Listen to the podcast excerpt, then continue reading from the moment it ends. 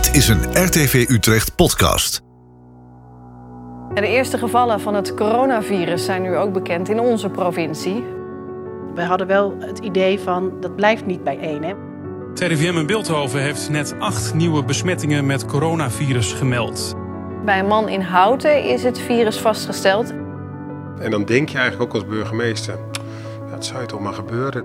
Een van de slachtoffers komt uit Houten. Een jaar geleden kwam corona in ons leven. Een jaar waarin een terrasje pakken op de Neude opeens heel bijzonder werd. In deze RTV Utrecht podcast hoor je mensen die direct met corona te maken kregen. De crisis die bij ons begon bij een man uit Houten.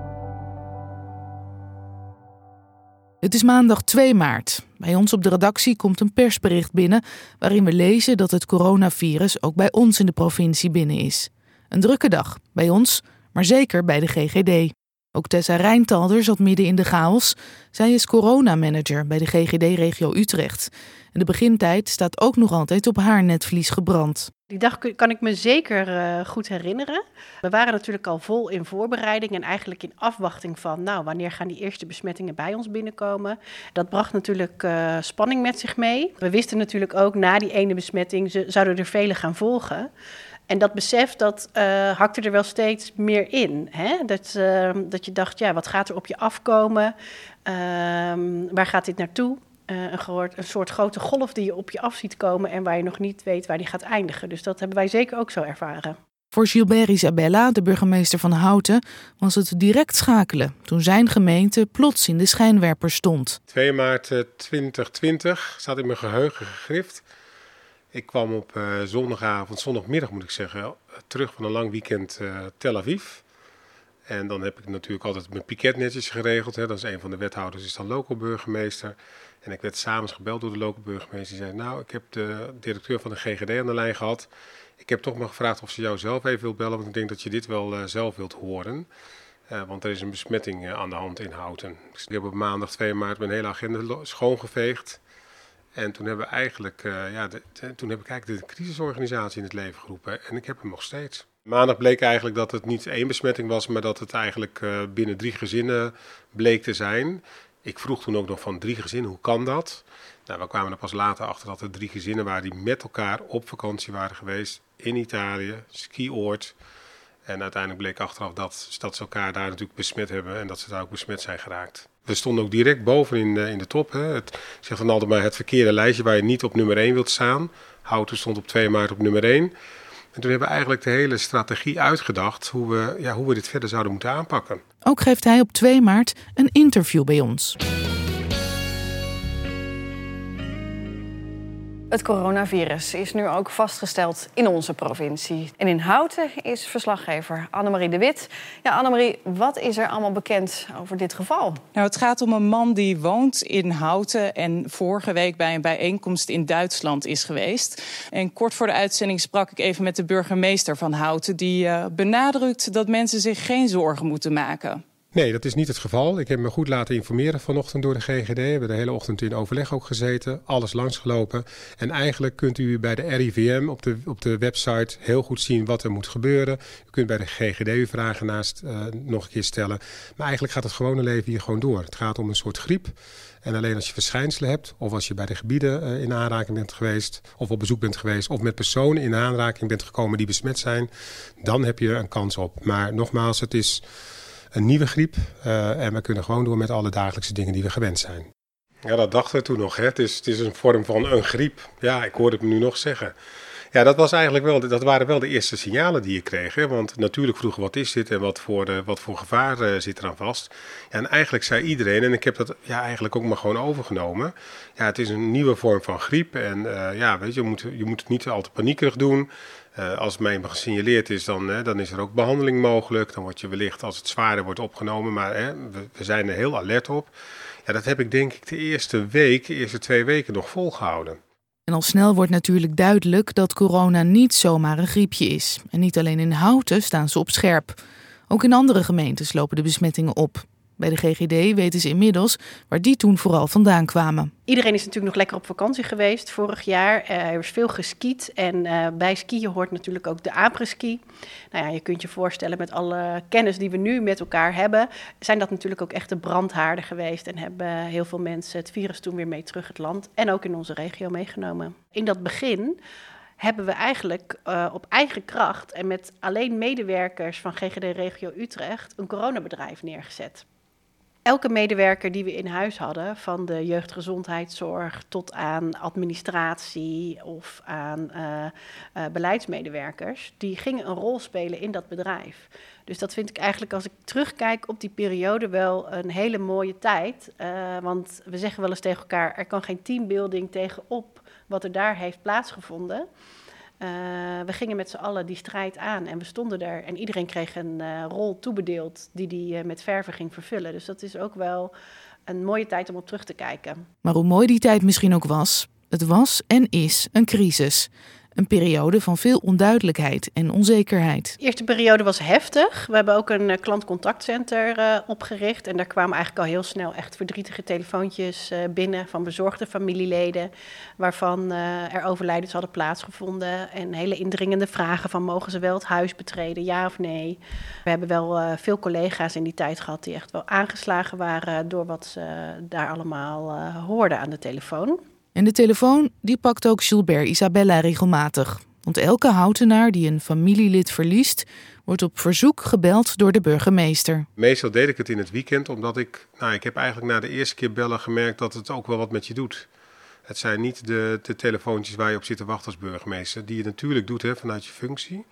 Maar die zijn, ja, dan hoor je toch echt wel de ingrijpende verhalen erachter.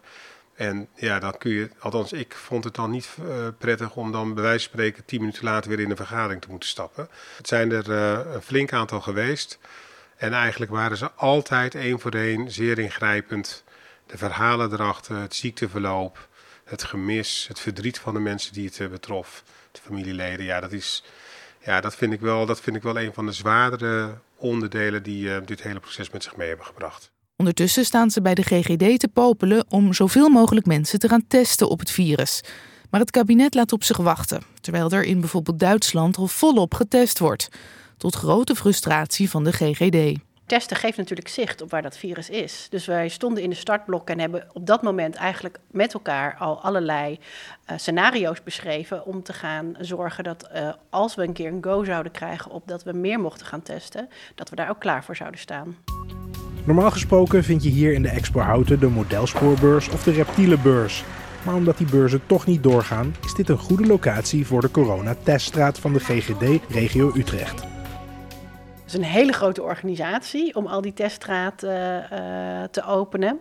En uh, nou, we hebben eigenlijk al heel snel bedacht van nou, die ene teststraat die gaat niet voldoende zijn. We hebben daar veel meer van nodig. Uh, dus we hebben daar uh, speciale projectleiders voor aangesteld. Die zijn eigenlijk constant in gesprek met gemeenten. En, op, en die hebben een plan van eisen waar zo'n teststraat aan moest voldoen. En die gingen overal op bezoek bij al die locaties om te kijken welke plek is geschikt. Hoeveel capaciteit kunnen we daar hebben en zijn de werkomstandigheden optimaal. Dus nou ja, binnen no time hadden we eigenlijk een uh, uitbreiding van die eerste teststraat naar op een gegeven moment wel uh, zes teststraten in de regio. Om corona onder controle te krijgen, stelde het kabinet het afgelopen jaar een aantal vergaande maatregelen in. Zo zijn niet-essentiële winkels al een hele tijd dicht. De burgemeester van Houten hoort iedere dag verhalen van ondernemers in zijn gemeente. Ja, en dan hoor je toch echt verhalen waarvan je denkt: oh jongens, je moet er niet aan denken dat het je overkomt. En dan denk ik ook wel eens van: nou ja, dan heb ik natuurlijk eigenlijk geen klagen als burgemeester zijn. Want ik zit hier in het gemeentehuis of ik werk thuis veelal. Uh, en ik ben natuurlijk verzekerd van mijn baan. Maar je zult maar al je hebben houden, al je vermogen in je winkel hebben, in je horecapand, in je evenementen die je jaarlijks uh, organiseert. En het valt allemaal een keer weg. Het valt allemaal stil. Je hebt geen enkele bron van inkomsten meer. Dat is dramatisch. Tijdens de eerste lockdown waren er maatregelen die we nu niet meer kennen. Zo mochten mensen geen familie meer bezoeken in het verzorgingshuis. Dat maakte op Gilbert Isabella misschien nog wel de meeste indruk. Eigenlijk is dat ook nog wel een, een, een, nou ja, bijna een zwarte bladzijde in het afgelopen jaar geweest voor mij. Namelijk toen de verzorgingshuizen verplicht dicht moesten. En ik eigenlijk huilende familieleden aan de lijn kreeg omdat ze niet naar binnen mochten en niet bij hun vader of hun moeder mochten zijn. En ik heb geprobeerd aan de familieleden, ook in persoonlijke gesprekken met de wethouder erbij, proberen uit te leggen dat dat bittere noodzaak was. En dat ik als burgemeester geen bevoegdheid had. En als ik die wel zou hebben gehad, het waarschijnlijk ook niet had toegestaan eh, om naar binnen te treden. Want het was allemaal ter bescherming van de meest kwetsbaren. Maar ik moet eerlijk zeggen dat ik achteraf gezien en met ook met een aantal familieleden daar nog over, over heb doorgesproken, dacht dat is een besluit geweest wat we nooit hadden mogen nemen. Uh, ik ben zelf mantelzorger van een uh, oude buurvrouw van mij van 94. Waar ik dus ook onderaan het raam heb gestaan. Uh, heel ver weg een klein kopje voor het raam. Zwaaiend omdat ik niet naar binnen mocht. En op dat moment dacht ik ook van ja, dit is niet goed. Dit is echt niet goed. Hij was blijkbaar niet de enige die dat dacht, want in de tweede lockdown, waar we nu nog in zitten, besloot het kabinet anders. Ondertussen werd er ook hard gewerkt aan een vaccin. Toen het werd goedgekeurd, was dat bij de GGD reden voor feest. Je kunt je voorstellen, uh, we werken met een uh, dedicated team heel lang samen in deze crisis. En uh, nou, dat kent pieken en dat kent ook af en toe wel een klein dalletje. En op het moment dat zo'n vaccin goedgekeurd wordt, ja, dan, dan, dan is er een zucht van verlichting onder alle collega's. Dan krijgt iedereen energie en dan gaan we er met z'n allen voor staan dat we ook weer klaarstaan om die vaccinaties tijdig te kunnen gaan geven. Toen ik uh, telefoontje kreeg van de directeur van de GGD of ik uh, kon instemmen met uh, het vaccinatieprogramma hier in, in Houten bij de expo, toen was het eerst wat mij in mijn hoofd schoot van en nu is het cirkeltje rond. Bijna een jaar geleden zijn we hier begonnen, tussen haakjes. we hebben de teststraat gehad, daar was ik ook al heel erg blij mee. Dat mensen gewoon uit onze regio, en zeker de mensen hier in Houten, eigenlijk om de hoek getest zouden kunnen worden. Op een grote locatie, op een veilige manier. Ja, en toen het vaccinatieprogramma uh, vorm begon te krijgen en er dus naar ook locaties werd gezocht. En eigenlijk vrij snel het telefoontje kwam, goh, burgemeester Isabella, mogen we dan ook in Houten de eerste grote vaccinatielocatie inrichten voor de regio? Toen was mijn antwoord, ja, daar hoef ik niet over na te denken. U bent van harte welkom, want dit is het begin van het einde van, van de pandemie, hoop ik. En in ieder geval het begin van het einde hier in Nederland en in deze regio. In de volgende aflevering van deze podcast hoor je Jan Jumelet uit Maarsebroek. Ja, je kunt niet dichter bij iemand zijn, zeg maar, in, in het stervensuur om zo maar te zeggen, dan aan haar bed. Hij verloor tijdens de tweede golf zijn bejaarde moeder aan de gevolgen van het virus en moest volledig ingepakt afscheid van haar nemen. En tegelijkertijd niet verder weg door al die kleding die daar weer tussen zat. Dus dat vond ik wel een uh, ja, bizarre, bijna Kafkaeske ervaring.